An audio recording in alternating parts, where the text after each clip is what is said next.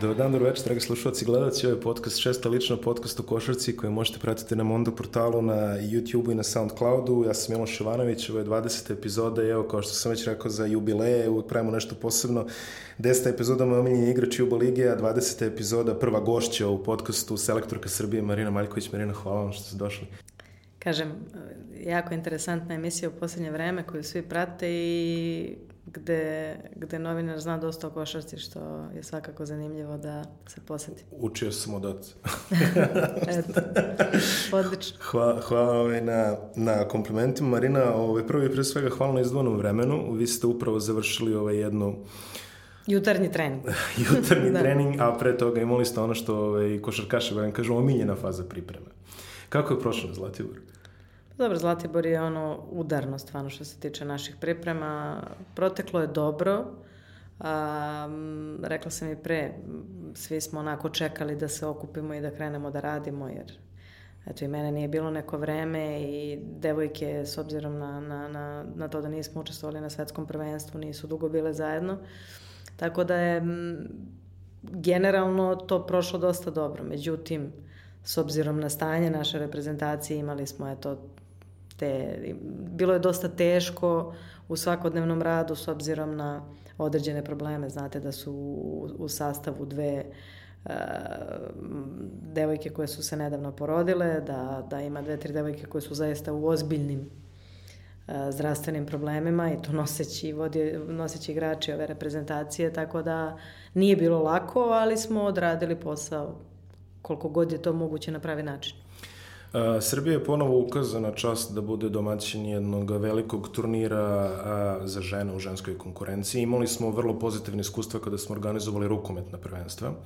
Sada organizujemo košarkaško zajedno sa Letonijom, to prvenstvo počinje 27. juna.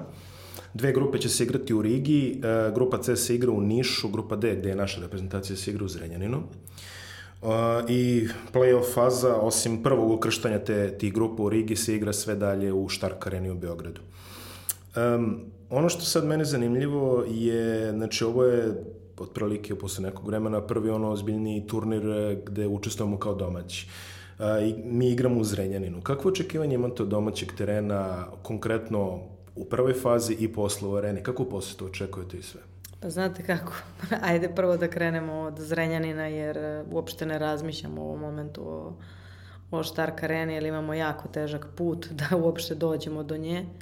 A, tako da je fokus sav na Zrenjaninu. Od prvog dana priprema e,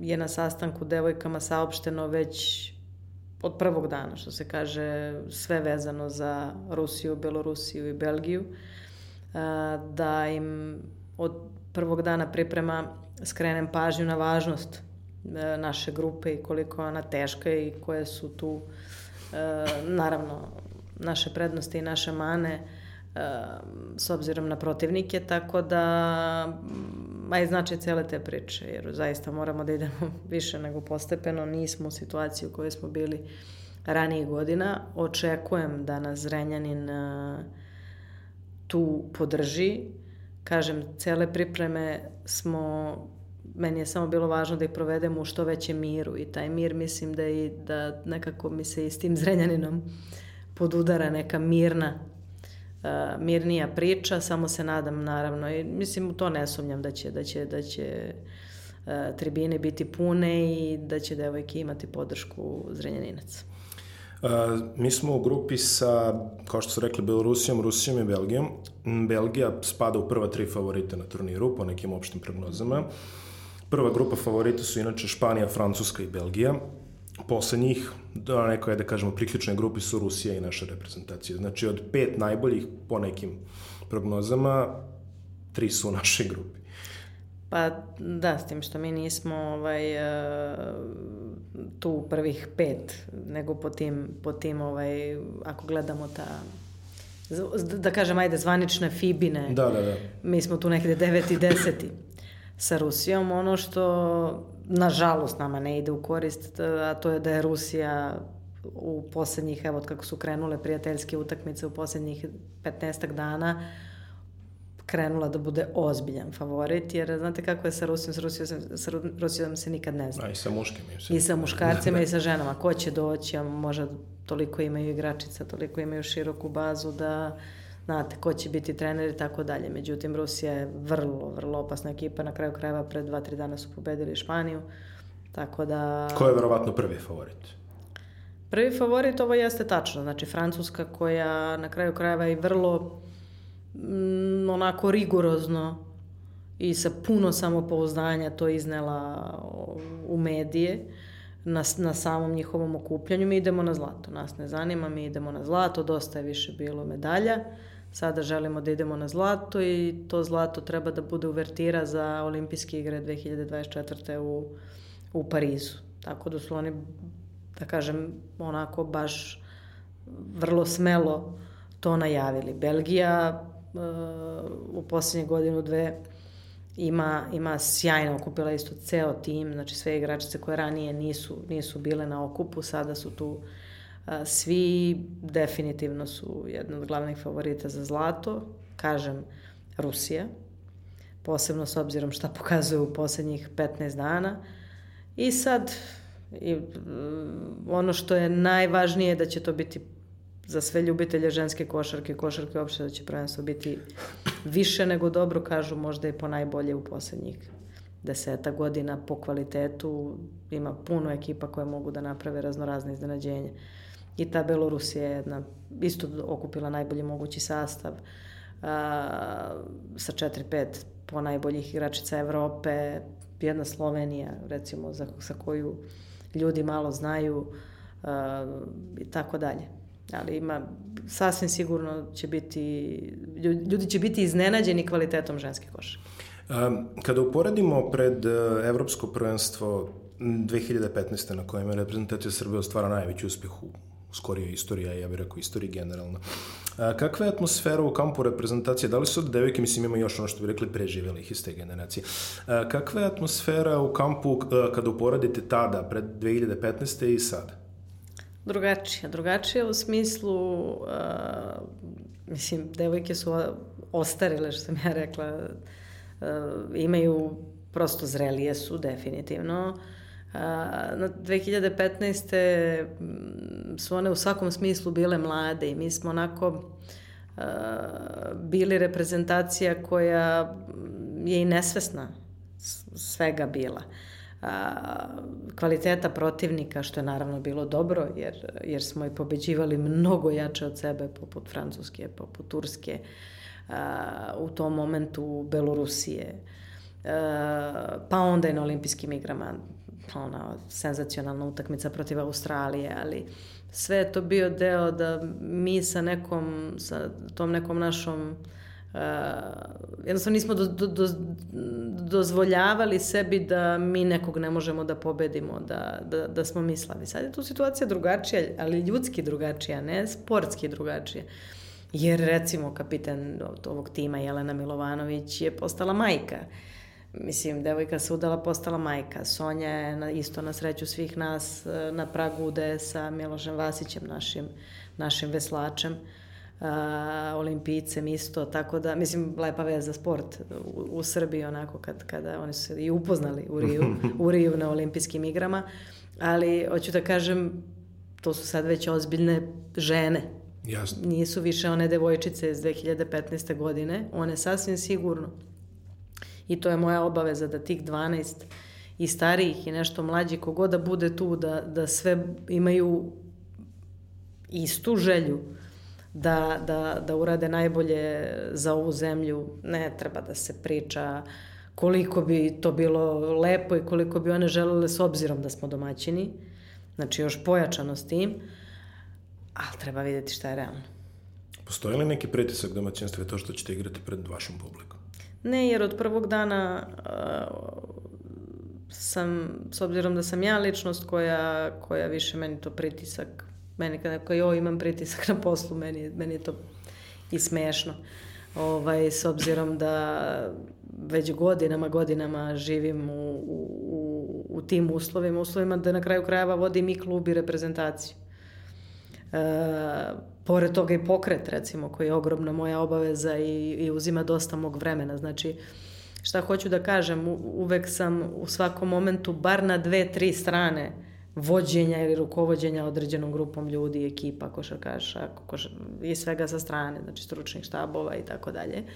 Tako da, ako tu ne živiš sa pritiskom ono svaki dan, tako ti to nije potpuno normalno, mislim, to, to je jednostavno nepoznato i samim tim želim, želim da to prenesem i na svoje igračice i e, zaista mislim da, da, da ta strana ne može biti problem i da ćemo mi to domaćinstvo učiniti sve da ga preokrenemo u, u, u onom pozitivnom pravcu i da stvarno te neke poteškoće koje sad imamo, da, da, da nam ta publika stvarno pomogne. Uh, ono što treba da naglasimo je, vi ste blago to spomenuli, naglasit ćemo svakako da prvi šest sa ovog evropskog prvenstva se kvalifikuje za olimpijski igre u Tokiju sledeće godine. koliko je... Igra, e, prva ekipa ide direktno, ostalo da, da. kvalifikacije. Uh, koliko je ovaj, bitno za našu košarku, žensku košarku da održi kontinuitet na tim velikim takmičenjima. Poslednji put smo napravili stvarno lep rezultat, bronzana medalja, ta mitska utakmica protiv Australije, s koju ja iskreno eto, mislim, sećam se da sam gledao i eto, gledam i ne verujem, mislim, bez, uz svo dužno poštovanje, stvarno smo odigrali vanredno dobro. Ali, koliko je bitno održati taj kontinuitet i biti stalno prisutan na velikoj sceni? Strašno. Evo, sad ću vam reći prosto. E, samim tim što nismo igrali ovo svetsko prvenstvo koje je bilo prošle godine u Španiji, a, kažem opet, desile su se, ne možemo da, da, da predviđamo i da, da, da li bi bilo, šta bi bilo, ali da, da su devojke učestvovale na svetskom prvenstvu, kao što je bio slučaj u poslednjih nekoliko godina, m, sasvim sigurno bi možda morale da odlože trudnoću, mm -hmm. Da, da li me razumete? Evo, yes. znači, tu su dve košarkašice, i Jelena Milovanović, kapiten, i Miljana Bojović, znači, na neki način to bi se opet, opet bi se drugačije organizovale. Da, da, da, eto, kao što je Sonja, uh, da bi naravno maksimalno ispoštovala evropsko prvenstvo, pomerila čak i Miloš, koji je isto sportista, znači pomerili su svoju svadbu za posle evropskog prvenstva. Da li me razumete? Znači, prosto, samim tim što nije bilo sportskih obaveza, u planu i programu, što je prošlo leto bilo, mi jesmo napravili okupljanje, ali je bilo prazno takmičarski, dok su druge ekipe bile na svetskom prvenstvu, naše devojke su, eto, radile druge stvari, znači sportski su bile oslobođene. To nikako nije dobro. To nikako nije bilo do, nije dobro i oseti se. Dru, mnogi su pričali super, sad će da se odmore to nikada ne može biti dobro prosto dok si u tom ritmu, dok si u tom kontinuitetu košarke i evropskih prvenstava, svetskih, olimpijskih igara, u tome si. Kad prestaneš, onda ovaj, radiš neke druge stvari. Znači, prosto taj ceo plan svoj životni i sve praviš na, na, na jedan drugačiji način. E, FIBA je razvodnila dosta taj muški kalendar, ovaj, pomerila Eurobasket sad na čet, sad manje više. U ženskom kalendaru su stvari još uvek... E, Drugačije su nego u muškom. Da. Ovaj, e, koliko je to bitno, sami ste rekli, okupljanja. Znači, koliko je bitno držati kontinuitet, ne, ne samo selekcije kao grupe igrača, nego držati reprezentaciju na okupu sa takmičarskim utakmicama. To je zaista... Od velikog, od velikog značaja je, kažem.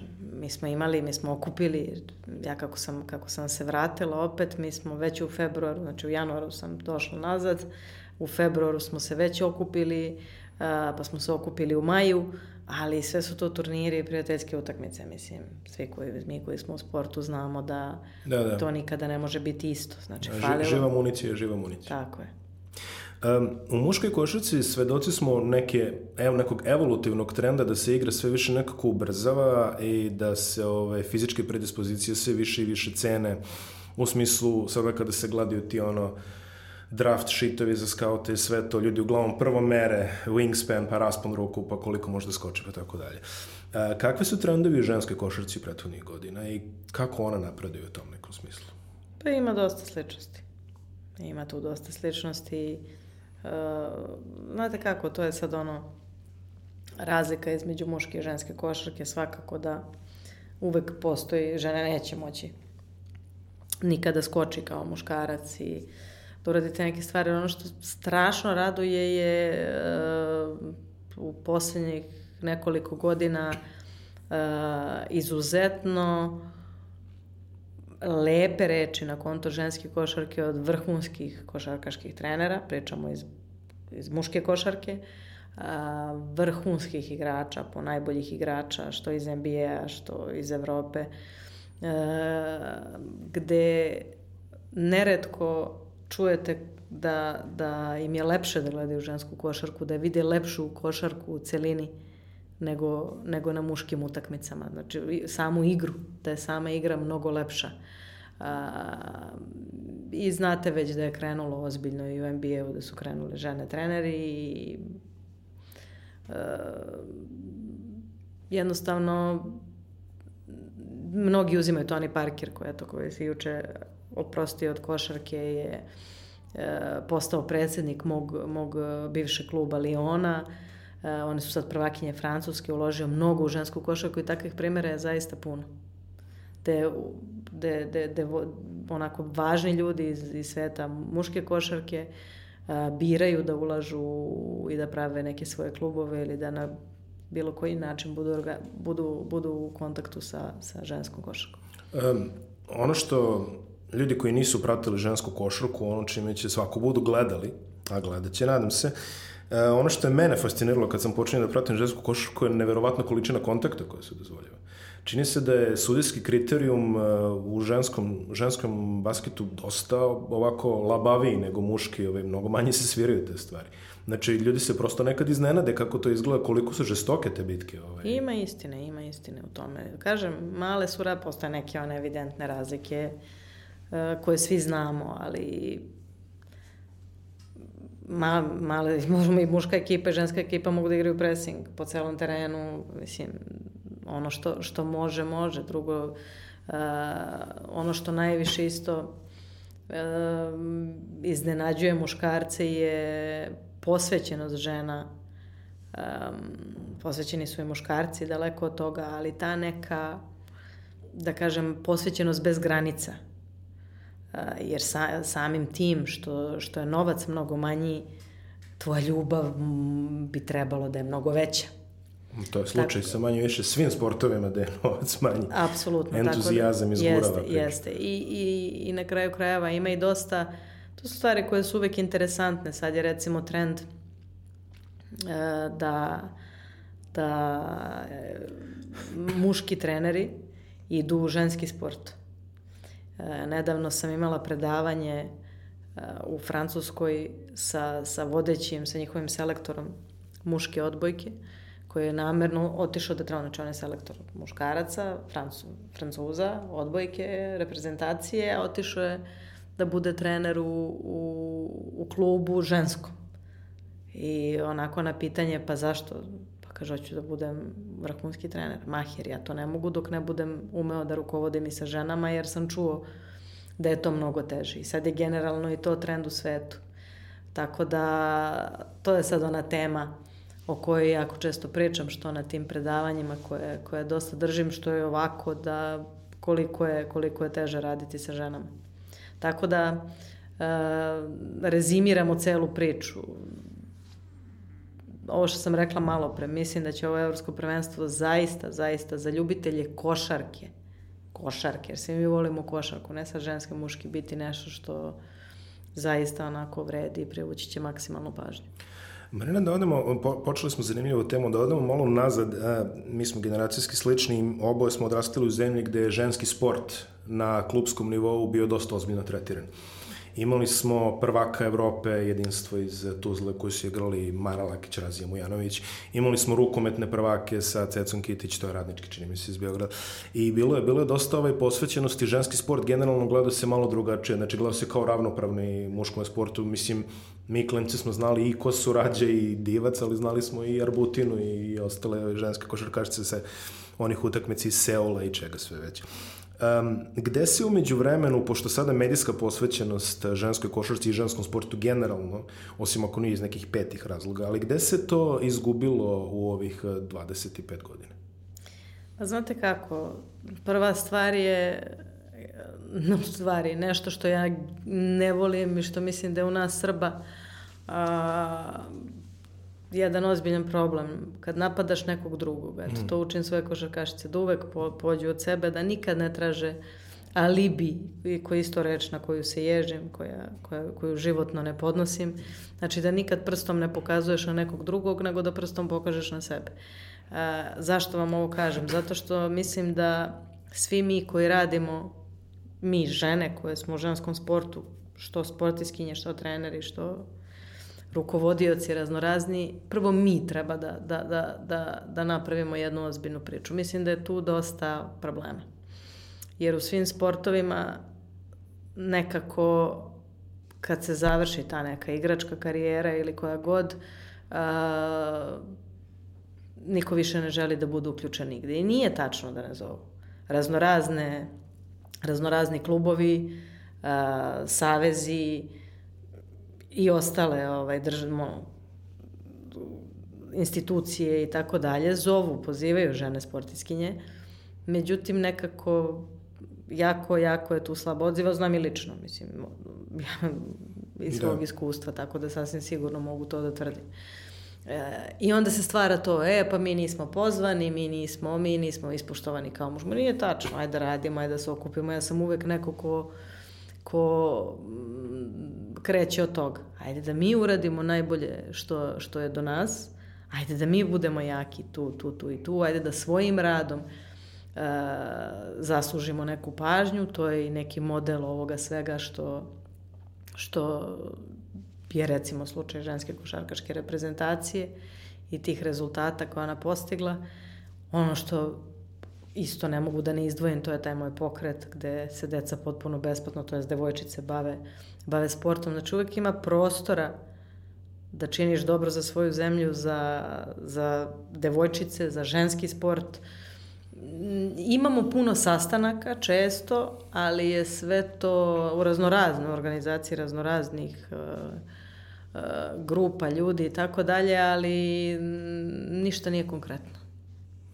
Spomenjate pokret, to je jako dobra inicijativa i jako dobra tema. Evo, ovaj, čisto da spomenem, ja živim u Vrčinu, a, kod nas u selu postoji izuzetan ženski rukometni klub Avala koji je prvak na nacionalnom nivou za svoje mlađe kategorije i sve to, ali opet to je nešto što znaju ljudi koji su odatle. Znači, generalno, čini se da i kada pogledamo u medije, što je sigurno neka naša greška, ne postoji dovoljno uzora ženskog sporta neko ko bi možda motivisao devojke, devojčice da krenu da se bave sportom. Šta mi možemo njima da pružimo, osim one standardne priče, ovo je dobro za tebe, ajde, kao roditeljski, ono da kažeš, ovo će ti valjati, bit će dobro za tebe, ali šta mi možemo njima da pružimo i kakve, kakve uslove i da li bi možda mogli da poradimo medijski na kreaciji nekih ženskih heroja, jer svi muškarci zna, što kaže selektor Đorđević, postoji rupa kada, su, kada je muška reprezentacija bila dobro, deca koje su pratila postali su dobri. Šta možemo da uradimo u tom pravcu? Uh, kažem, u poslednje godinu, dve bilo je zaista niz onako ozbiljnih sastanaka. Ono što je pozitivno u ovom momentu je da uh, je zemlja maksimalno, maksimalno fokusirana na sport i da se traže neka i da se maksimalno ulaže u sport, pričam iz svog iskustva. Ono što ja odgovorno znam. E sad, bilo je nekoliko sastanaka važnih na tu temu, nije dovoljno. Ima, imam i svoj lični projekat za, za ženski sport u Srbiji, šta i kako, baš to što me pitate, šta i kako raditi. Uh, Uh, ajde sad, naravno, sad je i meni u glavi prioritet ovo evropsko prvenstvo, ali ja verujem da će se to sve u najskorije vreme uh, rešiti. Jer, kažem, uh, treba, treba samo da se, da kažem, onaj konačni, onaj krajnji, eto, da se, da se, im, u poslednje godinu dve je bilo više sastanaka neko ikad na tu temu za ceo ženski sport u Srbiji, jer zaista pio svemo medalje jednako. Uh, imamo takve sportiskinje da je to ove odbojkašice koje su strašne sa rezultatima koje one prave. Imamo jednu Tijanu Bogdanović, imamo Milicu Mandić, imamo Španović, imamo da nekog ne zaboravim. Uh, Zoranu Arunović, mislim... Veslačice su isto. Veslačice, znači imamo toliko, to, poenta je samo da ljudi shvate da je, i ljudi to shvataju na kraju, evo vi mi recite, kad, kada se osvoji zlatna medalja na olimpijskim igrama, je li vama bitno da li je žena ili muškarac? Ne. Nije, bitno je da je to medalja za Srbiju. Tako je. I to je suština. I sad samo kogod ne zna i kogod razmišlja na neki pogrešan način, ja samo od, od, vratite se unazad olimpijske igre i kažete mi ko je osvaljao medalje za Srbiju. Unazad, evo, 15-20 godina, koliko god. Tako da, mm, ajde da kažem, potrebna, potrebna nam je taj samo neki završni čin, ali mislim da, da imamo Olgu Danilović, koja je, koja je isto ogroman, ogroman potencijal. Znači, može jako lepo da se napravi svašta nešto vezano od, ovo, od, od, od samog, od same baze. Naravno da se što više devojčica uključi u sport na nešto poput pokreta mog, koji je naravno specijalizovan za košarku, ako pričamo o celom sportu, pa skroz do reprezentacija ove zemlje, to jest do vrhunskog sporta. Uh, ima, postoji plan, imamo plan, kažem, čekamo taj neki završni čin, jer zaista mislim da, to, da je to Mislim, mi znamo šta je sport za našu zemlju. Svi, svi dolaze, svi su fascinirani. E, pa evo i sad ti kinezi o, o, o kojima mogu mnogo više da svedočim nakon godinu dana provedenih u Šangaju, a, koji na kraju krajeva toliko dolaze u našu zemlju zbog sporta, da bi učili od nas. Tako da, sasvim sigurno je to nešto što treba u skorije vreme da se završi, da se napravi jedan ozbiljan projekat, jedna, jedna ozbiljna kampanja, jer e, Srbija mora da bude ponosna na... Znate, kad ste stalno ovde, nemate svest ovo baš o čemu vam ja pričam. Nama je sport toliko važan u našim životima da mi koji smo u inostranstvu e, stalno dobijamo pitanja pa kako vi toliko sport, zašto je vama sport toliko važan?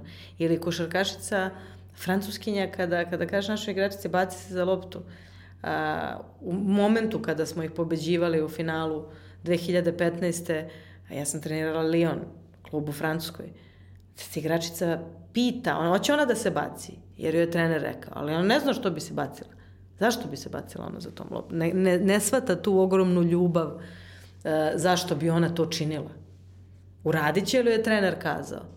Ali da će ona to sama od sebe iz ogromne želje i ljubavi te posvećenosti koje smo malo prepominjali, ne. Na kraju je to napravilo razliku. A, Marina, mi smo u današnje vreme mediji su ušli u sve što se tiče profesionalnog sporta, pogotovo oko košarke. Mi sad znamo ono što pred 20-30 godina nismo znali, mi sad znamo u prste. Evo u ove emisiji su ljudi imali svoje svedočanstva kako se spremaju za draftove, kako se spremaju ovako, onako, kolika su njihovo odricanje. Ono što nismo često imali priliku da čujemo je kakva su odricanje neophodna za profesionalne ženske sportiste. A, biologija je drugačija. Same ste spominjali, dolaze do trudnoće, dolaze do, do različitih faktora koje muški sportisti nemaju. Koliko je odricanje neophodno da bi postali vrhunski ženski sportisti? O, strašno. Sad, znate kako, e, ono gde ih ja kao trener najviše napadam i uh,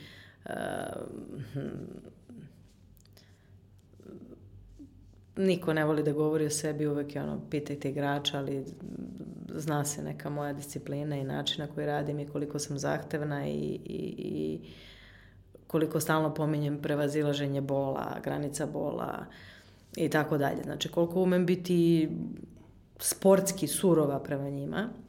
S druge strane, volim da, da, da volim opet realnost, da se sagleda koliko je težak taj put uh, svih žena, devojaka koje su, koje su profesionalni sportisti, ne samo naravno košarkašice, već, već uh, vrhunski sportisti. Strašno su odricanja, uh, mnogo je teško, treba krenuti od samog početka, a to je da one jako mlade odlaze, one zarađuju za celu svoju porodicu, u većini slučajeva je to tako. E sad, ali to nije prirodno. A posebno ne na Balkanu. Znači, u redu je da mnogo je lakši put dečaka koji se zaljubi u, u košarku recimo i koji ode od kuće i koji sutra izdržava celu svoju porodicu. Ali je mnogo teško kada devojka u 15 godina izdržava celu svoju porodicu. Ili u 20, ili u 25.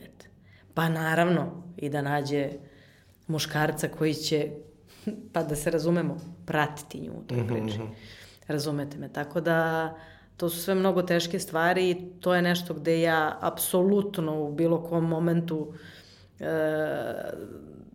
ako ih negde razumem i ako im negde tražim neko opravdanje na konto životno opravdanje ili kako god hoćeš, to su te stvari.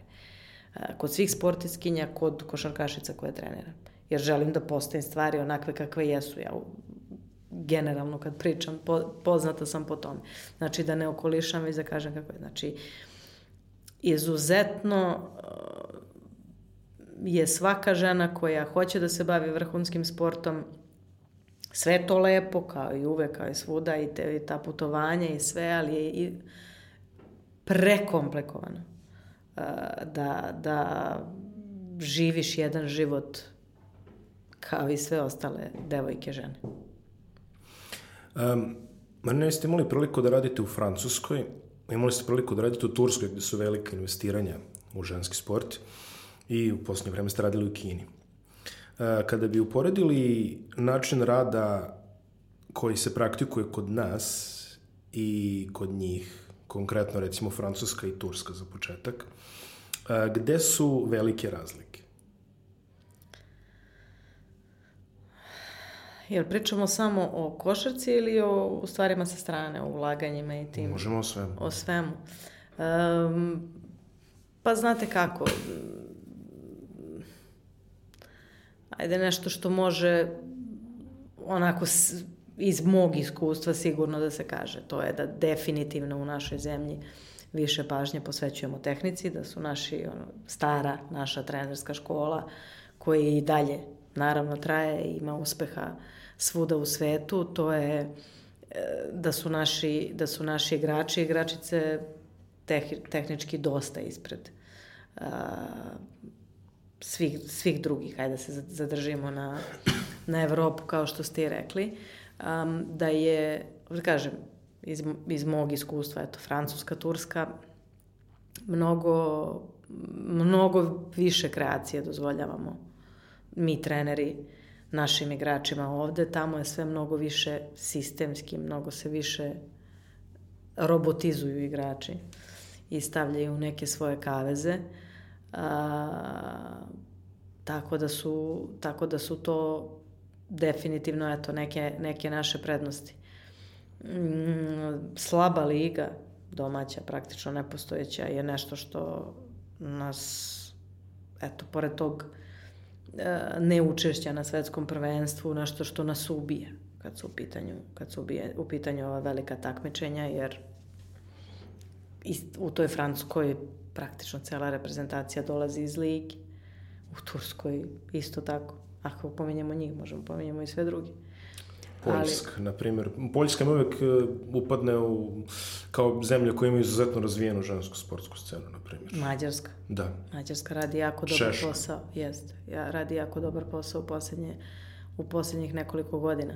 Tako da, e sad onda isto uvek. Nije tu samo, naravno da su pare važne, ali mm, opet ono moje, nisu samo pare važne. Važna je i dobra organizacija, važni su dobri ljudi, po najvažnije, znači pravi ljudi koji će da vode te klubove, taj ženski sport i ono što je najvažnije, treneri.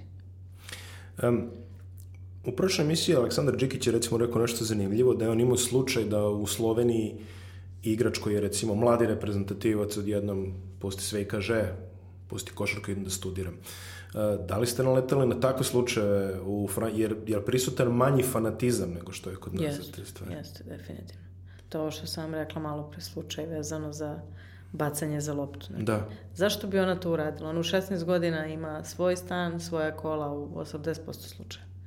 Prosto jer je sistem takav i ona njoj nije jasno.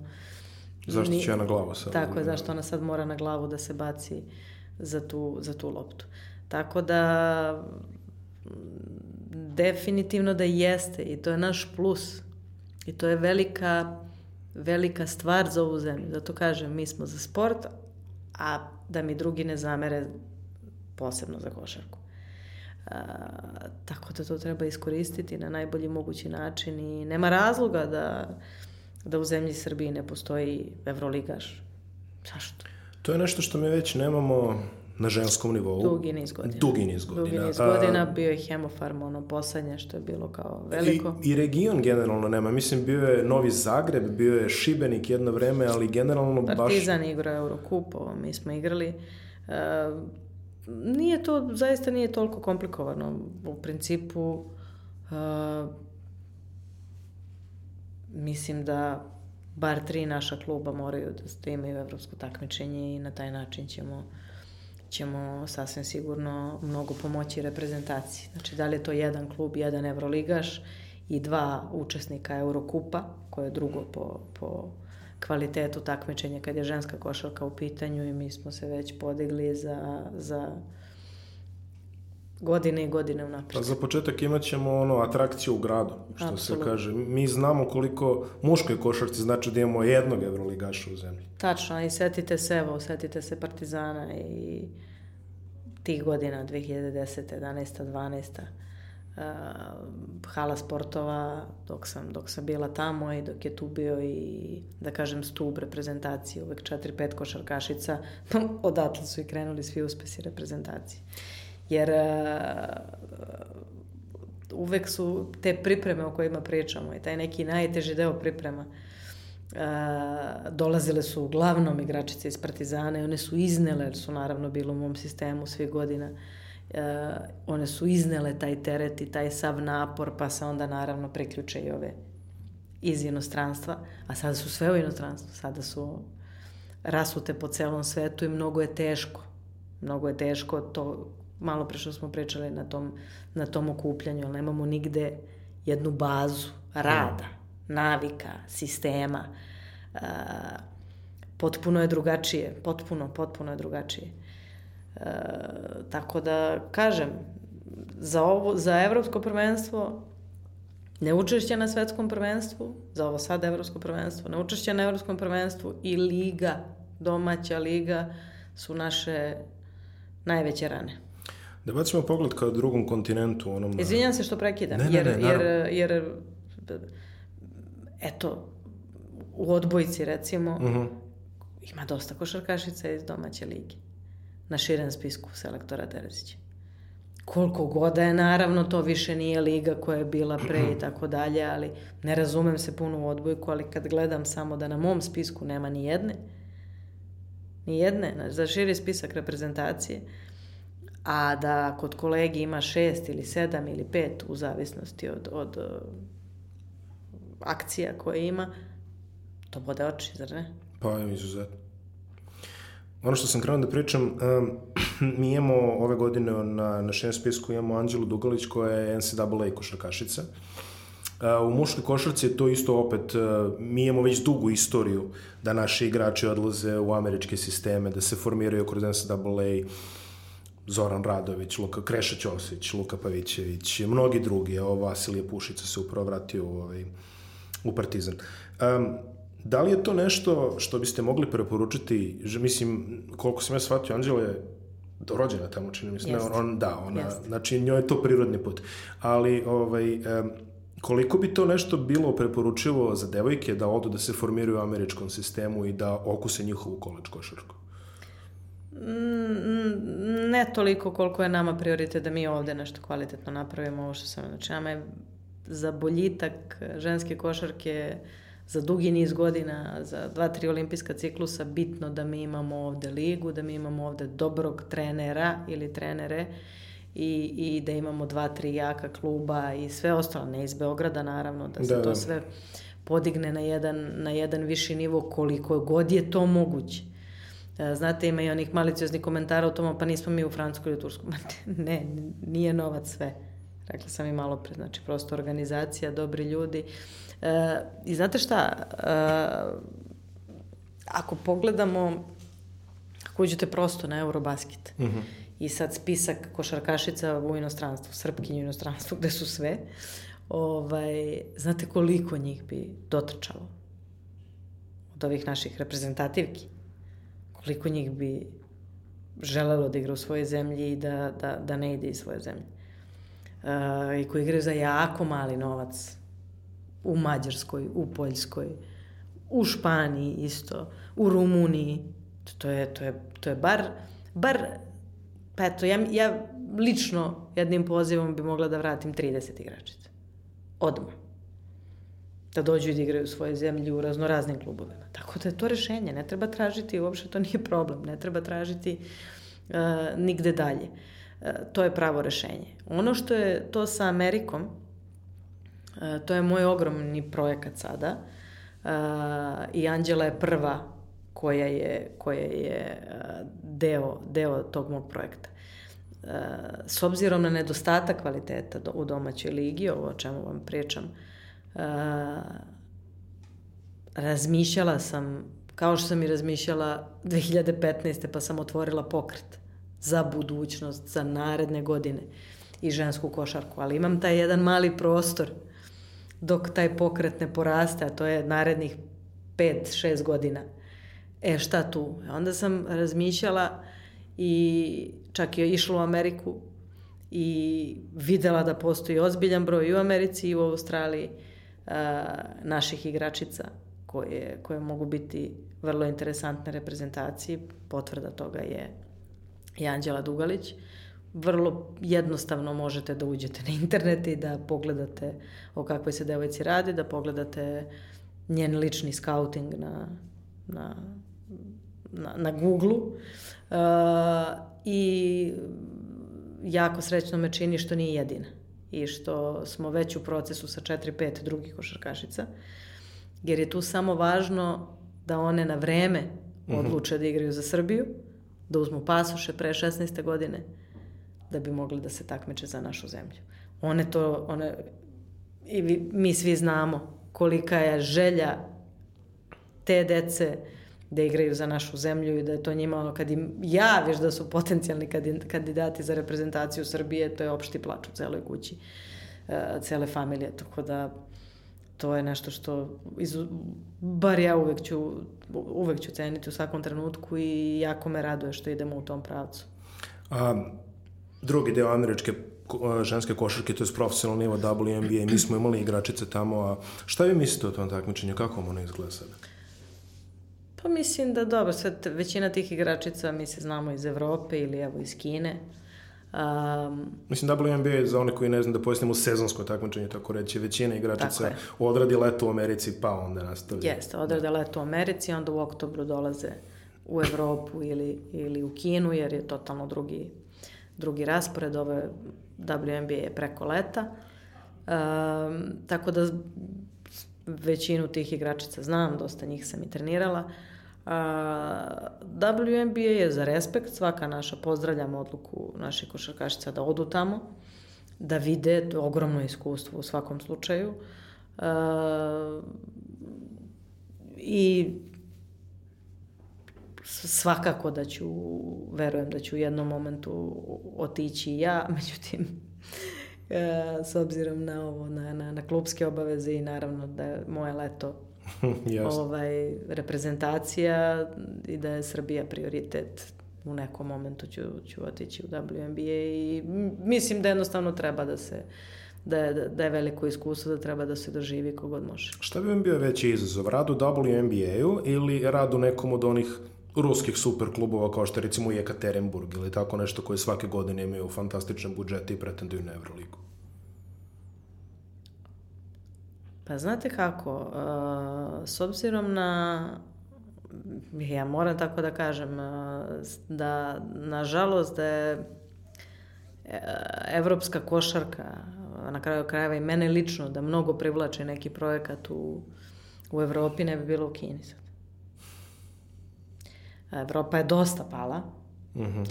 Bojim se da će u naredne dve, tri godine Azija sve da, da ponese jer uh, vidite ovako, od sledeće godine 19 klubova u Kini ima, u ženskoj ligi Kine. Pričala bih malo na tu temu da ljudi shvate, sasvim sigurno ljudi nemaju predstave šta je ženska košarka u Kini. A, to su pune arene, NBA arene. A, vidjet ćemo sada, znači u svim ovim halama oko da, gde ćemo da, da, da. pratiti svetsko prvenstvo, to su, to su iste hale gde, gde se igra i ženska košarka. A, te hale su uglavnom pune. Uh, i zaista vlada jedan, to je zaista jedan ozbiljan, ozbiljan nivo košarke. Uh, svaka ekipa po dosadašnjim pravilima žensko, muškoj košarci su dva stranca, u ženskoj košarci još, još uvek jedan stranac. Jer isto pravilo da mora da odsedi jednu četvrtinu ili kao u muškoj? Ne, teniskoj? mora da odsedi samo protiv jednog vojnog tima, Aha, gde su njihove... To je Baji beše. Je Baji, da, bravo, bravo, odlično znanje. Znači, samo, samo protiv njih, inače na svim utakmicama stranac normalno, to je strankinja normalna igra. E, naredne sezone 19 klubova, oni uzimaju samo 19 najboljih igračica iz WNBA. Znači, statistika, prosto matematički. Da, da, da, da. 19, to, to, to. Jeste, 19 najboljih i to je to. O, ono što je interesantno je da, da su im se sad malo vidici otvorili, ja pokušavam to da menjam, da tu opet uđu i evropski igrači. A i lično pokušavam da napravim da bude dve, kao i u muškoj košarci, dva stranca. I sad, na konto evropske košarke, a, samo zamislite da u 19 klubova puta dva. Da to će, to će biti veliki udarac za, za, za žensku košarku u Evropi, a dobro znamo kakvi su kinezi. Da kad nešto naume to i urade. Ono što je meni isto fascinantno je da u Aziji postoji, mislim generalno, ajde da kažem u zemljama Azijske federacije, tu računam i Australiju, postoji dosta ravnopravan medijski tretman između televizijskih prenosa muške i ženske košarke. Ja, ja znam u Koreji imaju onaj WKBL, KBL, oni idu back to back. CCTV, jeste. Yes, znači. Ovaj sve, sve je tako. I, da. I Azija definitivno i kogod je bio tamo i radio i od naših trenera i sportista na kraju krajeva, mislim, okrećemo se ka tamo skroz, ta, tamo su zaista e, nije to novac. Jeste novac, jeste njihovo ulaganje, ali e, radi se o uslovima za rad, radi se o jednom potpuno drugačijem mentalitetu koji je u mnogim stvarima ta njihova naravno vojnička disciplina dosta, do, dosta slična nama i onim pravim uh mhm. -huh. našim na, našoj školi trenerskoj i tako dalje tako dalje znači mm, i sve te stvari okolo jednostavno nakon eto i Evrolige u Evropi sa Galatasarajem i punajače lige kad je ženska košarka u pitanju Francuske da li bi opet trenirala naravno u Evropi? Na, ne, ne isključujem ništa ali ogromne su prednosti u Aziji. Ogromne. I u Kini i u Japanu i u Koreji. Recimo koje ste pomenuli Australija da ne pričamo ženska košarka tamo Filipini takođe. Jeste Filipini da um, ne zaboravim neko Marina, za kraj, ono što bih vas volao pitati je, imali smo, pomenuli ste slučajeve ženskih pomoćnih trenera u NBA-u, znači Nancy Lieberman, yes. Becky Hammond. U Euroligi stigli smo do ženskih sudija. E, da li je vreme da možda Euroligaši ili generalno klubovi u muškoj konkurenciji počnu da razmišljaju o ženskim trenerima? Nema razloga da tako ne bude. Jednostavno, to, je, to, je, to su one sada pitanja. Zbog čega ne? Ajde vi meni recite zašto ne. Na, zbog, mislim, jedini razlog koji ja, ja mogu da vidim... recite mi validan razlog. A validan razlog ne mogu da vam A Jedino što mogu da kažem su neki uvreženi stereotipi da vas, ono, ne znam, 12 muškaraca ne bi slušalo ili tako neku glupost.